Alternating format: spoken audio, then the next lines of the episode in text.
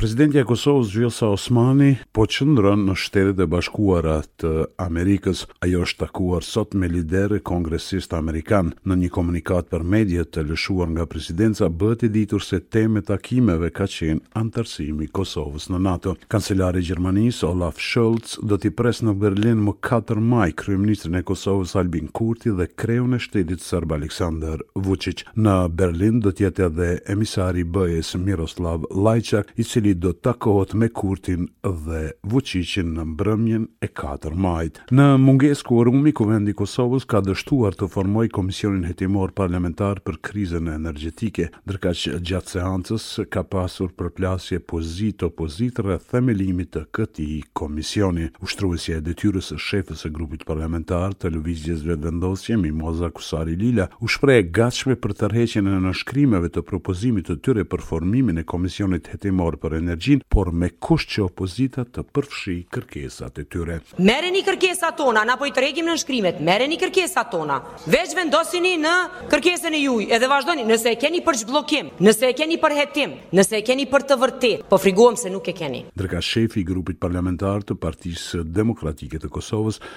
Abelard Tahiri ka deklaruar se nëse atyre iu mohohet e drejta e themelimit të komisionit s'ka kuptim qëndrimi në Kuvend. Nëse s'votohet një komision i tillë, çfarë vlere më kemi na mo këtu me nejt në këtë Kuvend, kur të mohohet një e drejtë kushtetuese. Politikani shqiptar nga Ulqini, Dritan Abazoviq, është zgjedhur kryeministër i ri i Malit të Zi. Ai dhe qeveria që do të udhëheqë, është votuar Të enjten mbrëma, për qeverinë e re votuan katërdhjetë e pesë deputetë nga tetëdhjetë e një sa i ka Kuvendi i Malit të Zi. Qeveria e re e Malit të Zi është e katërdhjetë e treta dhe pasardhëse e asaj që u shkarkua më katër shkurt e ku Abazoviqi ishte zëvendëskryeministër. Në Mejë të Gjakovës u shënua njëzet e tre vjetori i masakrës së treqind e shtatëdhjetë e gjashtë civilëve shqiptarë. Presidentja Vjosa Osmani dhe kryeministri Albin Kurti, të cilët po qëndrojnë në Shtetet e Bashkuara të Amerikës, kanë kujtuar të pagjeturit në Ditën e Personave të Pagjetur dhe masakrën në Mejë të Gjakovës. Ata thanë se drejtësia do të vihet në vend kur para saj të dalin autorët e krimeve. Në ditën e personave të zhdukur, që shënon edhe njëzet e tre vjetorin e masakrës së Mejës të Gjakovës, kryeparlamentari Glauk Konjufca bashkë me anëtarët e Komisionit Qeveritar për Persona të Zhdukur ka bërë homazhe pranë Obeliskut të të Pagjeturve, ku tha se kjo masakër është dëshmia më e plotë se Serbia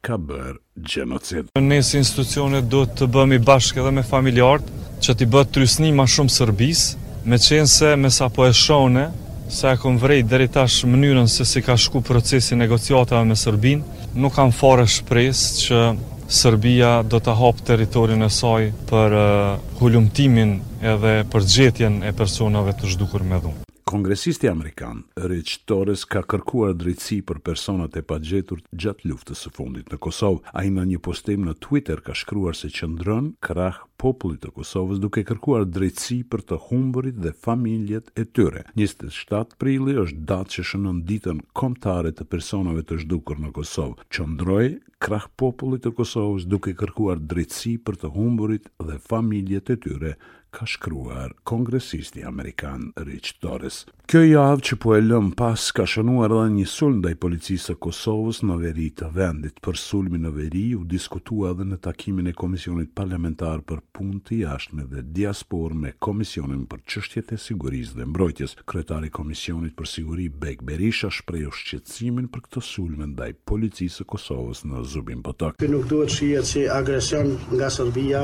nuk është as sabotazh, por janë grupe kriminale, kontrabandistë që po sulmojnë Policinë e Kosovës. Me thonë neve na konvenon tani Kosova mos me u destabilizu. Në njëzet e katër orëshin e fundit janë shënuar njëzet e nëntë raste të reja me Covid nëntëmbëdhjetë në Kosovë, ndërsa nuk është shënuar asnjë rast i vdekjes nga koronavirusi. Në njoftimin e Ministrisë së Shëndetësisë bëhet e ditur se sot janë shëruar tre qytetarë ndërsa në njëzet e katër orët e fundit janë dhënë njëqind e pesëdhjetë e shtatë doza të vaksinës kundër Covid nëntëmbëdhjetë. Për Radion SBS Mendu Hysa, Prishtinë.